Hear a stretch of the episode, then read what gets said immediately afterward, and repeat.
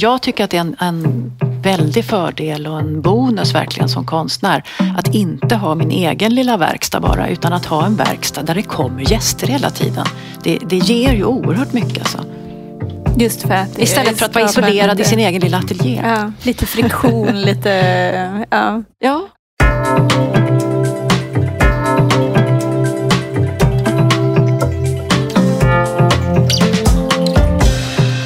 Arbetar konstnärer runt om i landet med grafik idag? Följ med oss på Grafikens hus som är ett museum och en mötesplats för konstformen grafik i Södertälje. Där vi besöker olika intressanta verkstäder där grafiken står i centrum. I detta avsnitt åker vi till grafikverkstaden Godsmagasinet. Vi pratar om hur det kommer sig att de öppnade en grafikverkstad i ett gammalt godsmagasin i den lilla byn Uttersberg vad som gör deras verksamhet unik och hur Grafikens hus framtida verkstäder skulle kunna se ut. Det här är Grafikens hus podcast och jag heter Anna Henriksson.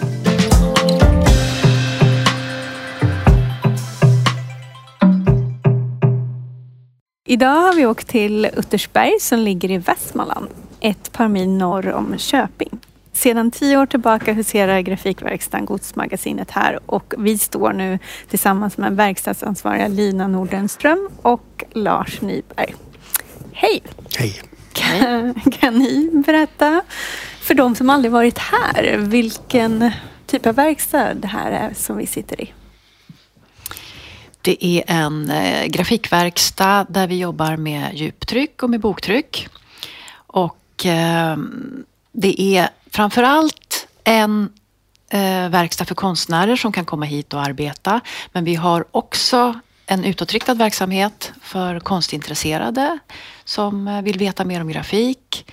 Eh, vi har bland annat eh, konstnärspresentationer regelbundet när det har varit någon konstnär här och arbetat och vi har seminarier dit vi bjuder in allmänheten. Så det är både en utåtriktad verksamhet och en verkstad dit konstnärer kan komma och jobba koncentrerat med egna projekt.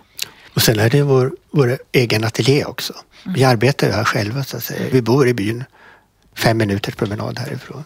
Och sen är det också så att vi, det är Galleri Astli som har funnits här i byn i 40 år som äger själva godsmagasinet. Däremot så har vi rustat upp verkstaden tillsammans med frivilliga och många från byn har ja, renoverat huset för det var ett tomt sjuk kan man säga från början. Ett bra sätt att lära känna folk i byn det är att bygga en grafikverkstad. Jag kan faktiskt lägga till också att det är ju inte bara konstnärer, bildkonstnärer som kommer hit och jobbar utan eftersom vi har så mycket eh, boktryck och handsättning, eh, blytyper och trätyper och så, så är det också poeter och grafiska formgivare, faktiskt eh, fler och fler som har visat intresse för att komma hit och jobba. Och det tycker jag är väldigt roligt, att det blir en blandning av människor som har olika bakgrund. Precis, för det är ju, det är ju två olika avdelningar här skulle man kunna säga. Mm. Kan ni beskriva dem? Ja, boktrycket består ju av, alltså vi har två riktigt bra boktryckspressar. Den ena är en Correxpress, en korrekturpress som är tysk eh, och som har stått i olika grafikverkstäder innan vi tog hit den. Men från början är den från ett tryckeri i Gamla Klara. Och det är en, sån, en korrekturpress som man använde för korrekturavdrag förr i tiden. Men de är nästan de vanligaste boktryckspressarna i grafikverkstäder nu för tiden. Och sen har vi en Stanhope-press som är en handpress, brukar man säga ibland också, som är ändå äldre. Ehm, den vet vi inte riktigt vad den har för bakgrund men, men den är också fantastiskt bra att jobba på. Man färgar in för hand med handvals. Sen har vi under de här tio åren fått fler och fler regaler som det heter med eh, blytyper och trätyper ifrån olika tryckerier. Så att den utrustning vi har har liksom fyllts på under de här åren som vi varit här. Är det också någonting unikt kanske att ha så stor omfattning av typer? Ja, det skulle jag nog säga. Alltså, det finns ju andra konstnärsverkstäder självklart runt om i Sverige som har en boktryckspress kanske eller några regaler och sådär. Men det, eh, i våran verkstad så är det ju lite speciellt på det sättet att eh, det är så pass stor del av vår verkstad som består just av boktryckets möjligheter om man ska säga. Och den andra delen? Ja, det är koppargrafik, djuptryck Och jag har hållit på, själv hållit på repat i plåta sedan jag var 17 år. Och det blir ju mer och mer spännande fortfarande så att säga. Och det är så också verkstaden specialiseras. Det är våra specialkompetenser som vi bygger verkstaden på. Och det är torrnoll då för min del, men det är också djuptryck, kopparstick, karborundum, alla möjliga olika tekniker för präglingar och så. Nu har vi tre olika pressar här som vi kan använda. Hur, hur kommer det sig att verksamheten ligger här, just här? Det är att vi hade kontakt med Galleri Astli som ju har funnits här i byn sedan mer än 40 år. Och första kontakten var redan 96 när de hade en bokbandsutställning här som jag deltog i. Men sen har vi varit med på flera grupputställningar och vi har ställt ut separat och, och sådär och lärt känna familjen som driver Galleri Astli mer och mer. Så det var därför vi kände till att det här godsmagasinet stod tomt och oanvänt. Och, och, um, egentligen så bor det inte så många konstnärer väldigt nära här. Uh, och vi tänkte ju inte riktigt, vi visste ju inte riktigt hur det skulle utvecklas när vi startade verkstaden här. Men vi var ju öppna för uh, liksom, intresse från konstnärer i regionen och sådär. Men det, det som har hänt är egentligen att det har blivit mer långväga gäster än, än lokala konstnärer som, som använder verkstaden. Så det har varit gäster ifrån Kina och ifrån eh, Nigeria och Irland och England som vi har mycket kontakter med. Så det har blivit en väldigt internationell verkstad faktiskt. Eh, ja, det, det så, på ett naturligt sätt så har det utvecklats åt det hållet. Mm. Vad tror du att det beror på? Har det funnits brist någon annanstans eller är det just era faciliteter då som har dragit? Jag tror att det är liksom intresse och nyfikenhet och det är spännande att komma till ett annat ställe. Kommer man från Peking hit till en stenskog där man inte ser himlen ibland, då är det fantastiskt att kunna komma hit och se molnen och gå ut i skogen. Men också kunna jobba ostört och koncentrerat. Vi har ju en gästlägenhet i anknytning till verkstaden här. Där kan konstnären leva sitt eget privatliv och sen gå ut mitt i natten här och trycka om man vill. Eller sitta på sitt gästrum så att säga och jobba eller tänka eller skriva. Och, och, den utmaningen att ta med sig kanske idéer hemifrån till en annan plats, då händer det grejer. Men också att, att vad ska man säga, bara byta miljö.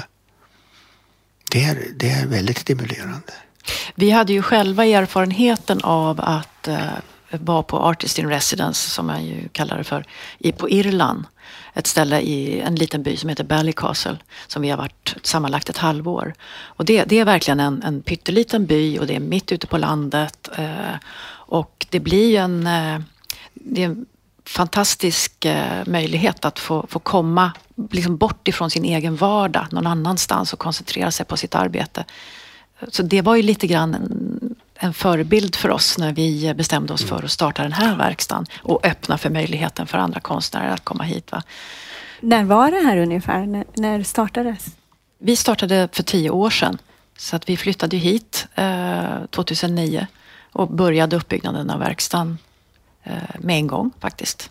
Och då kunde vi flytta in hos katten Laban som bodde i huset. Och eh, efter ett halvår så kom vi överens med Laban. Och eh, det blev ett nytt liv för oss och för Laban också så att säga.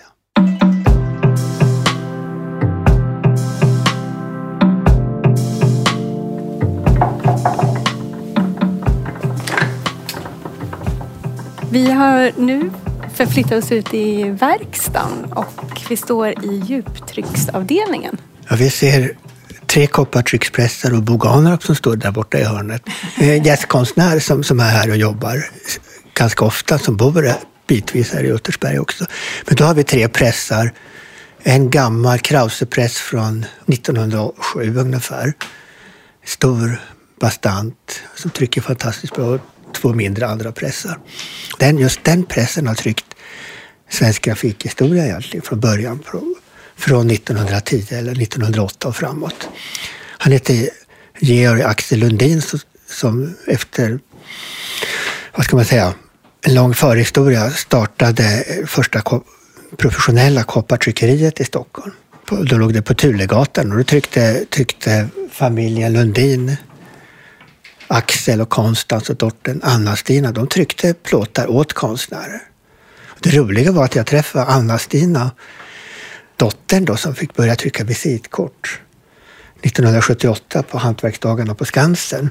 Då hade hon en liten trind, jättekul liten visitkortspress. För då graverar man visitkort för hand, alltså en gravör.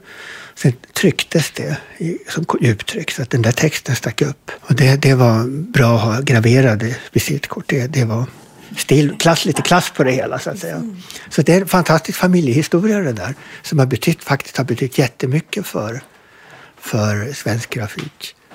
Det har en jättestort hjul och väldigt mm, fyllt med gammal färg på. Ja.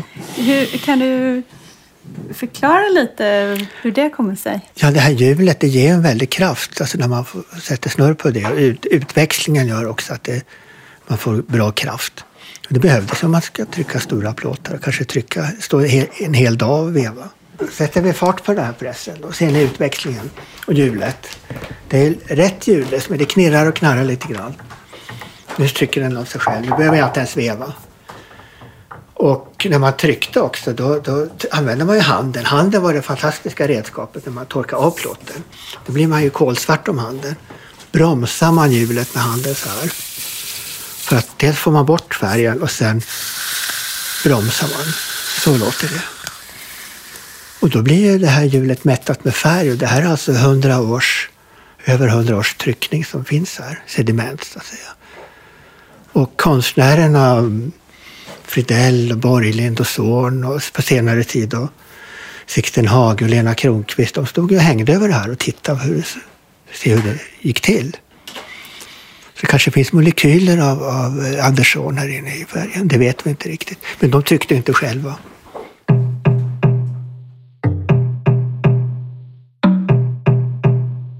Men om ni kan berätta lite mer om hur det går till att komma hit och jobba som konstnär och hur, hur, hur tar man bara kontakt med er eller hur, hur går en sån process? Måste man kunna någonting om grafik? Mm. Jo, grund, grundprincipen, eh, grundidén liksom med verkstaden, det är att eh, man som konstnär ska kunna komma hit och jobba under förutsättning att man behärskar de tekniker som vi arbetar med här. För vi erbjuder inte i första hand våra eh, tjänster som, som tekniker, liksom, eh, så. utan man ska kunna arbeta på egen hand. Men eh, man behöver ju alltid en introduktion i en ny verkstad ändå. Men det där är ju en regel som mm, det finns undantag också.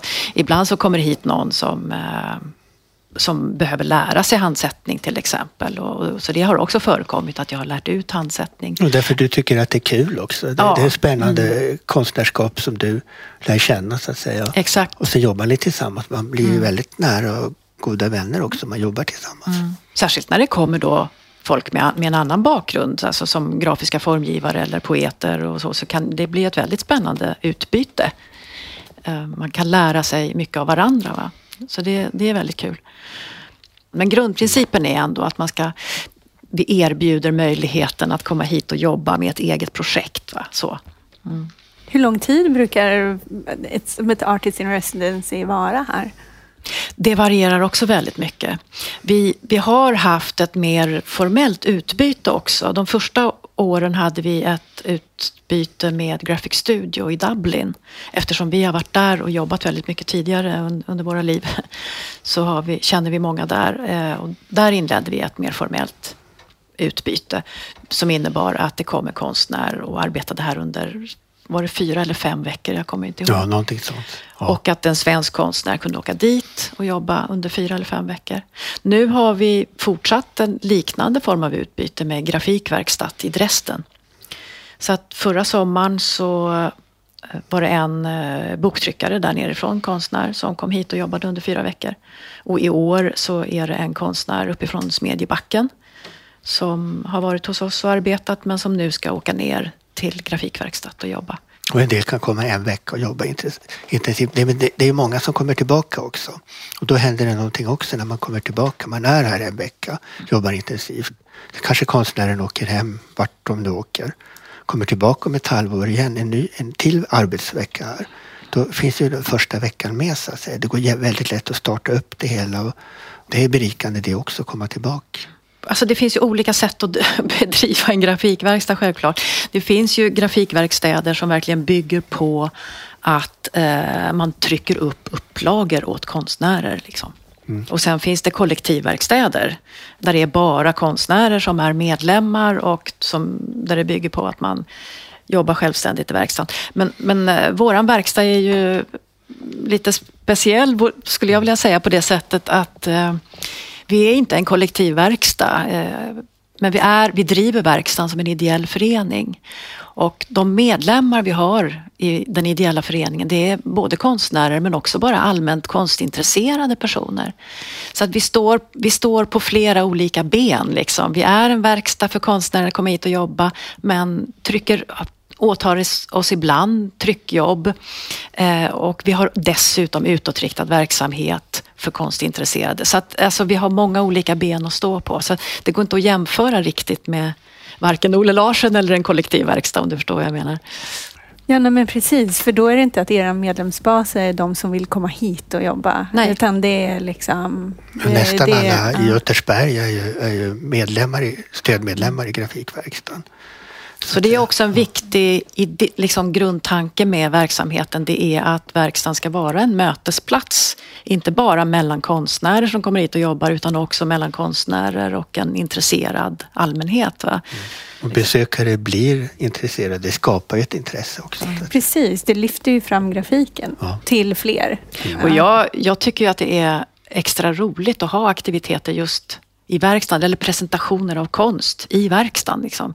Eller poesiläsning i verkstaden eh, av böcker som är tryckta här. Va? Alltså den där, att det blir en så nära koppling till hur konsten har kommit till och att man presenterar den på samma plats där konsten har kommit till. Vi har ju en palllyft så att vi kan ju lyfta undan en del pressar. Ska vi skapa en scen här så att säga, flytta bort borden här och så har vi en scen där.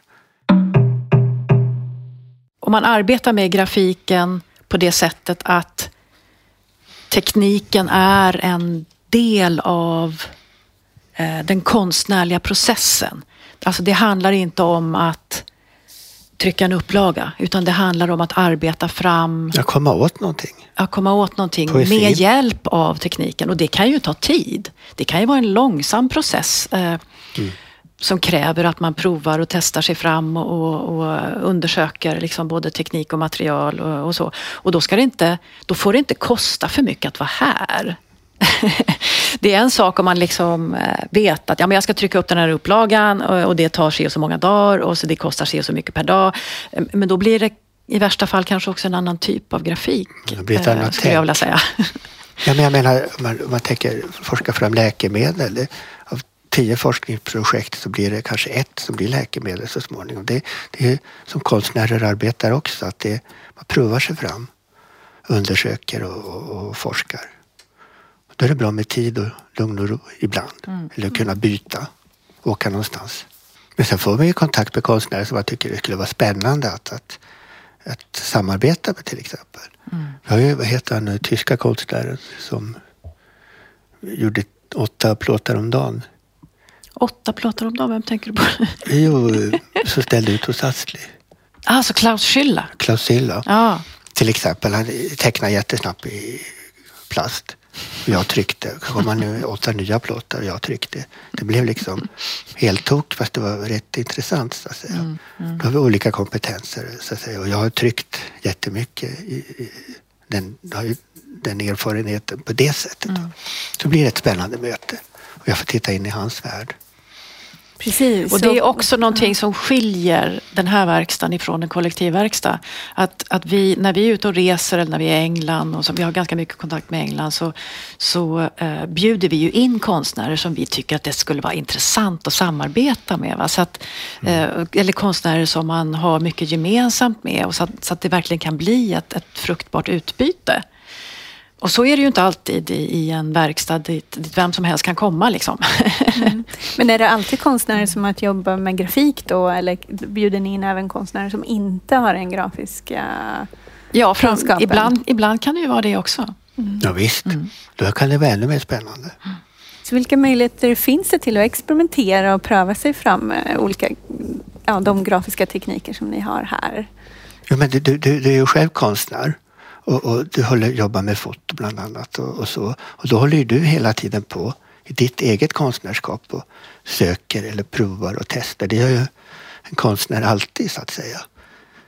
Så att det, det finns ju med i grund och botten i, vad ska mm. säga, essensen av ett konstnärskap. Det är att man håller på och undersöker och kanske ifrågasätter och provar. Och undersökande är nästan bättre ord än experimenterande för att det bygger också på en e-, erfarenhet. Om du håller på med foto första dagen du håller i en kamera eller första gången man försöker baka en surdegslimpa. Det är inte samma, du är inte samma människa tusen bilder eller tusen surdegslimpor efteråt. Va? Utan det har hänt någonting jättemycket som under den resan. Efter ifrån. tusen eh, surdegslimpor så, så ser experimenterandet annorlunda ut. Så ska, skulle man kunna mm. säga. Men det, vilket och, konstnärskap som helst bygger ju på att man, att man eh, provar sig fram och söker och testar och experimenterar. Liksom. Mm. Men sen, sen, en, en sak som jag tänkte som är bra att tala om nu också, det är att den, den glada överraskningen. Och det är att när man håller på med grafik då kan man trycka till X. eh, och det Ibland inte, i alla fall, inte alltid. Men... Nej, nej, men det är, inte alltid, det är inte alltid nödvändigt heller. Va? För det är också en sån här sak som jag har tänkt på mycket. Det, är så mycket, ibland fokusering på upprepande och sådana saker. Men det viktigaste är att man kommer åt någonting som man bara kommer åt i till exempel torrnoll. Och det är inte en teckning torrnoll utan torrnoll är torrnoll. Och vad kul, jag kan trycka till tryck. Men det är inte huvudsaken det här egentligen. Det är att komma åt någonting som man bara kommer åt. Och det är jätteviktigt. Mm. Jag trycker ju upplagor ibland och trycker flera ex av mina. Men det är bonus på något sätt. För jag tycker att tittar man ner försvinner i kopparplåten sociala möjligheter. Då är det helt mm. fantastiskt. Ja, du vill gärna vända på det. Istället för att se att grafik är ett sätt att reproducera bilder så är mm. grafik ett konstnärligt verktyg eller ett instrument. Och sen ja. kan man ibland mångfaldiga, men det är sekundärt. Ja, jo, men det, det är den glada överraskningen. Mm. För att komma åt någonting. Jo, men visst.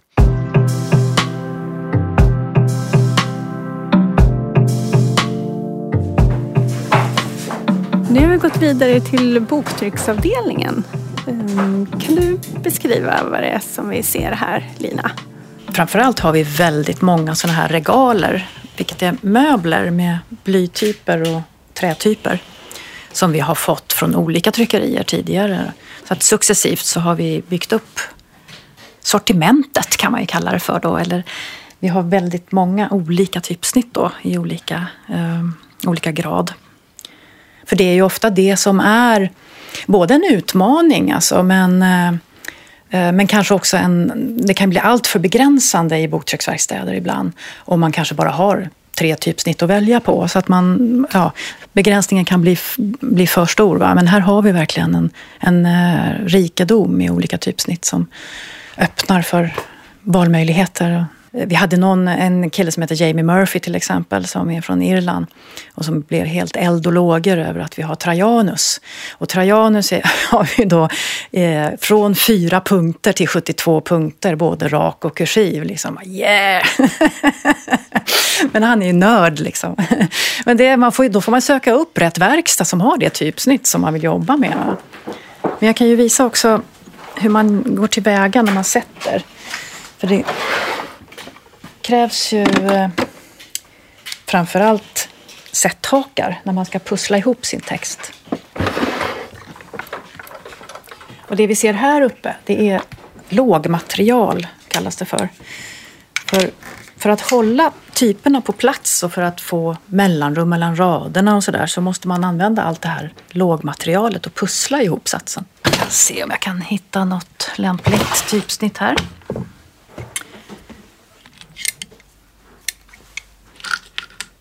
Det är lustigt vad man kommer på att sätta när man bara sätter, sätter vad som helst. Mm, det står 14 punkter här. Mm. Mager Times. Mm. 14 punkter. Ah. Sen är det mellanrum också mellan orden som man pusslar in en liten bit. Vad blir det för ord? Ja, kan du läsa? Man måste ju lära sig att läsa upp och ner när man jobbar med sånt här. Jag ser inte riktigt. Det... Andra gången skriver jag här nu. Jag vet inte var jag fick det ifrån. Men sen fyller man ut hela raden och flyttar över på ett skepp. Och det vi ser här, det är ett skepp. Det är en bricka. Och här ser ni också en hel sats, hur det ser ut när man har fyllt ut alla rader och pusslat ihop allting.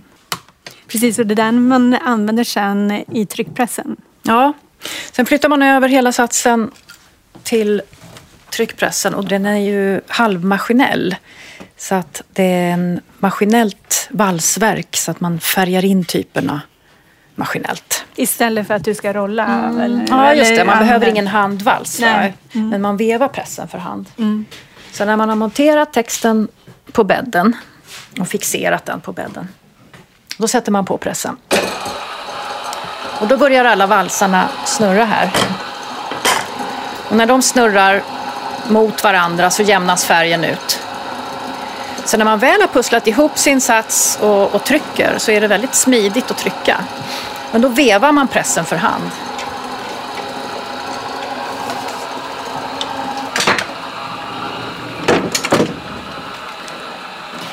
Så, och så får man då... Så åker den tillbaka igen. Så får man mata pressen med, med varje trycka, varje gång man trycker. Klämmer man fast det.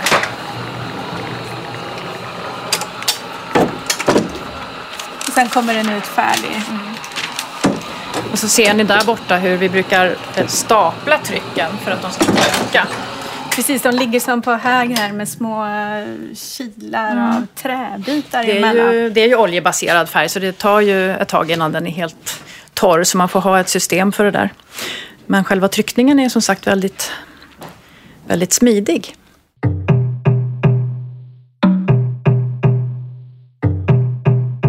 skiljer sig liksom era intryck av de som kommer hit som har grafiken liksom med sig mot de som inte har det då? Just liksom upplevelsen av att kliva in här och möjligheter som finns att göra med sin konst. Eh, de flesta konstnärer som kommer hit, de har ju erfarenhet av de här teknikerna som vi jobbar med, eh, med vissa undantag. Då, då Men det är klart att det är skillnad, men, men man lär sig alltid någonting nytt när man kommer till en ny verkstad. Det där ja. tycker jag också är viktigt. Att det är en en viktig poäng med att ha ett utbyte mellan verkstäder. För det finns alltid olika sätt att arbeta med djuptryck, till exempel, alltså med torrnål till exempel. Det finns alltid olika sätt att förhålla sig till det här med handsättning och boktryck. Och, och man utvecklar olika förhållningssätt i olika verkstäder. Um, så att även om man har mycket erfarenhet av en viss teknik så är det i alla fall mm. eh, lärorikt. Va? Ja.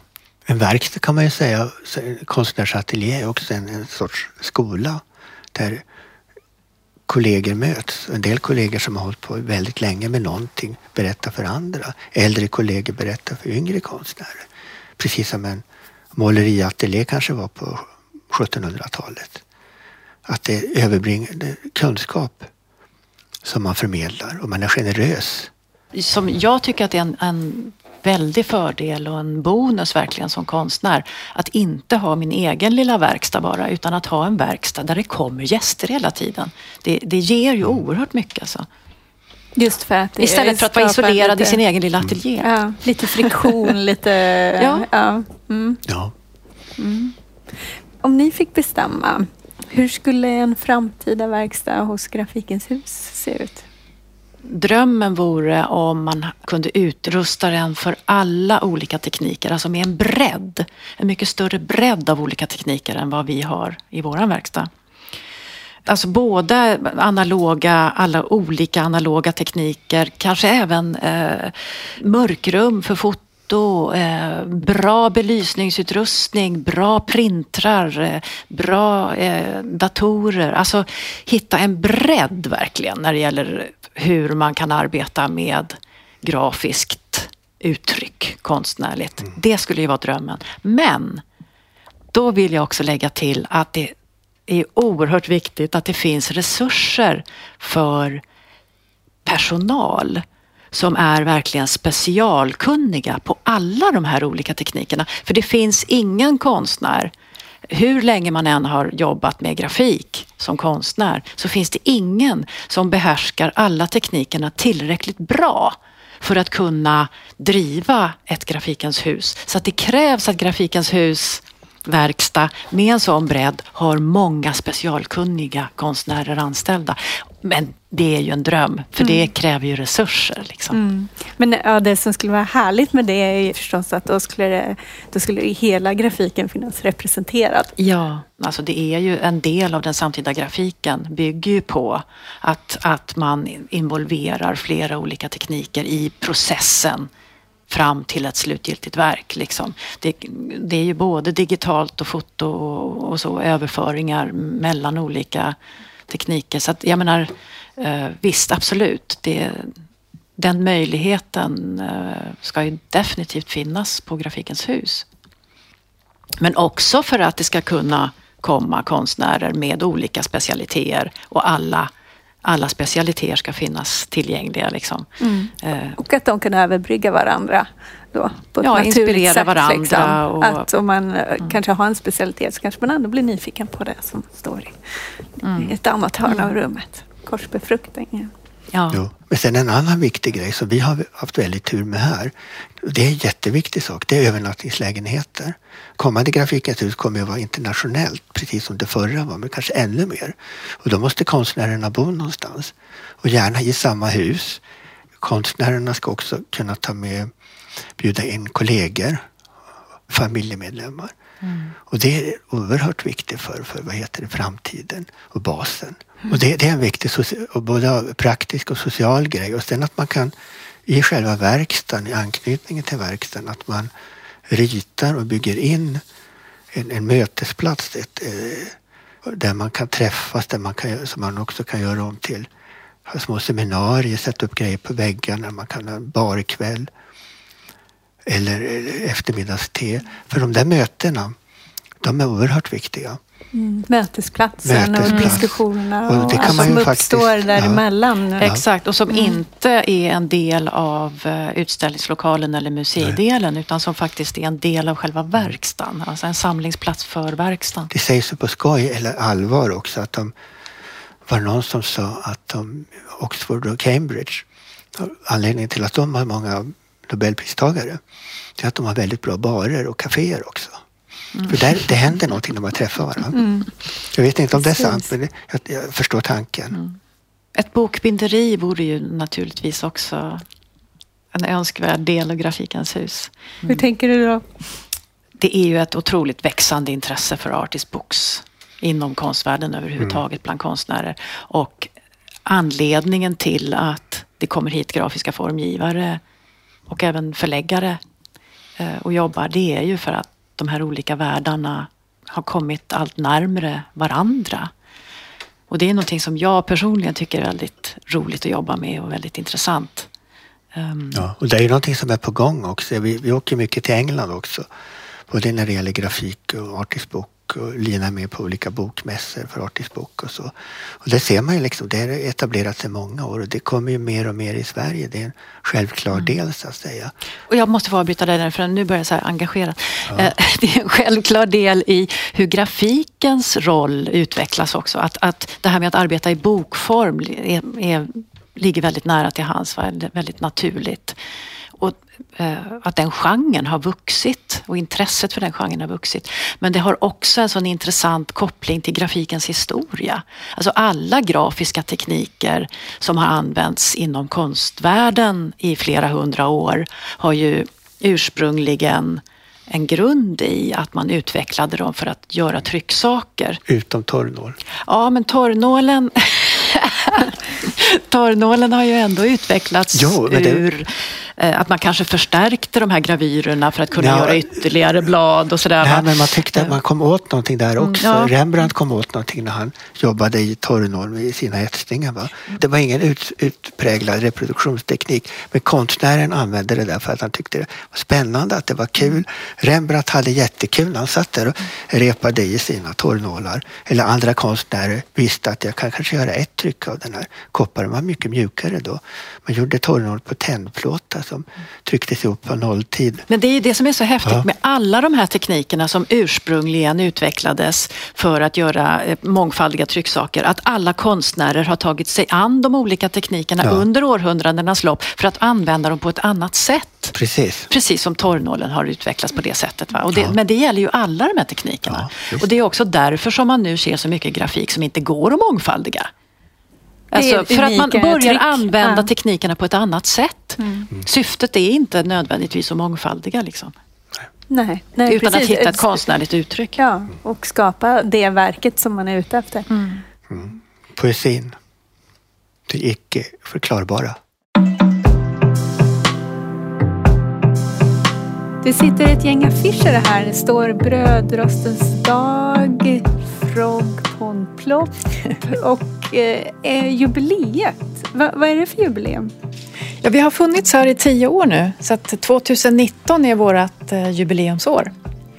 Och då ska vi ha dels ett litet program som löper under sommarhalvåret där med olika föreläsningar. Där vi presenterar dels oss själva eh, med varsin föreläsning men också andra konstnärer som är knutna till verkstaden. Men den stora grejen det är den 5 oktober för då inviger vi en utställning, jubileumsutställning som eh, är i Galleri Astlis tegelmagasin. Och då bjuder vi in alla konstnärer som på något sätt har bidragit till vår verksamhet här. Det kan ha varit att de har varit här och hållit en workshop eller att de har varit här och jobbat med egna bilder. Eh, så att det blir ett väldigt, eh, verkligt socialt event. Kan vi titta på hemsidan www.grafikverkstan www.grafikverkstan.se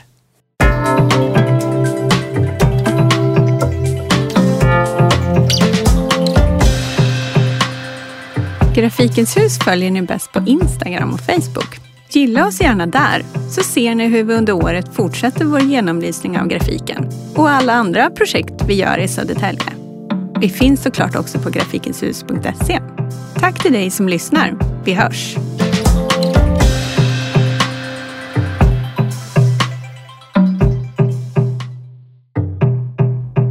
Det här programmet görs på Beppo. Beppo. Beppo.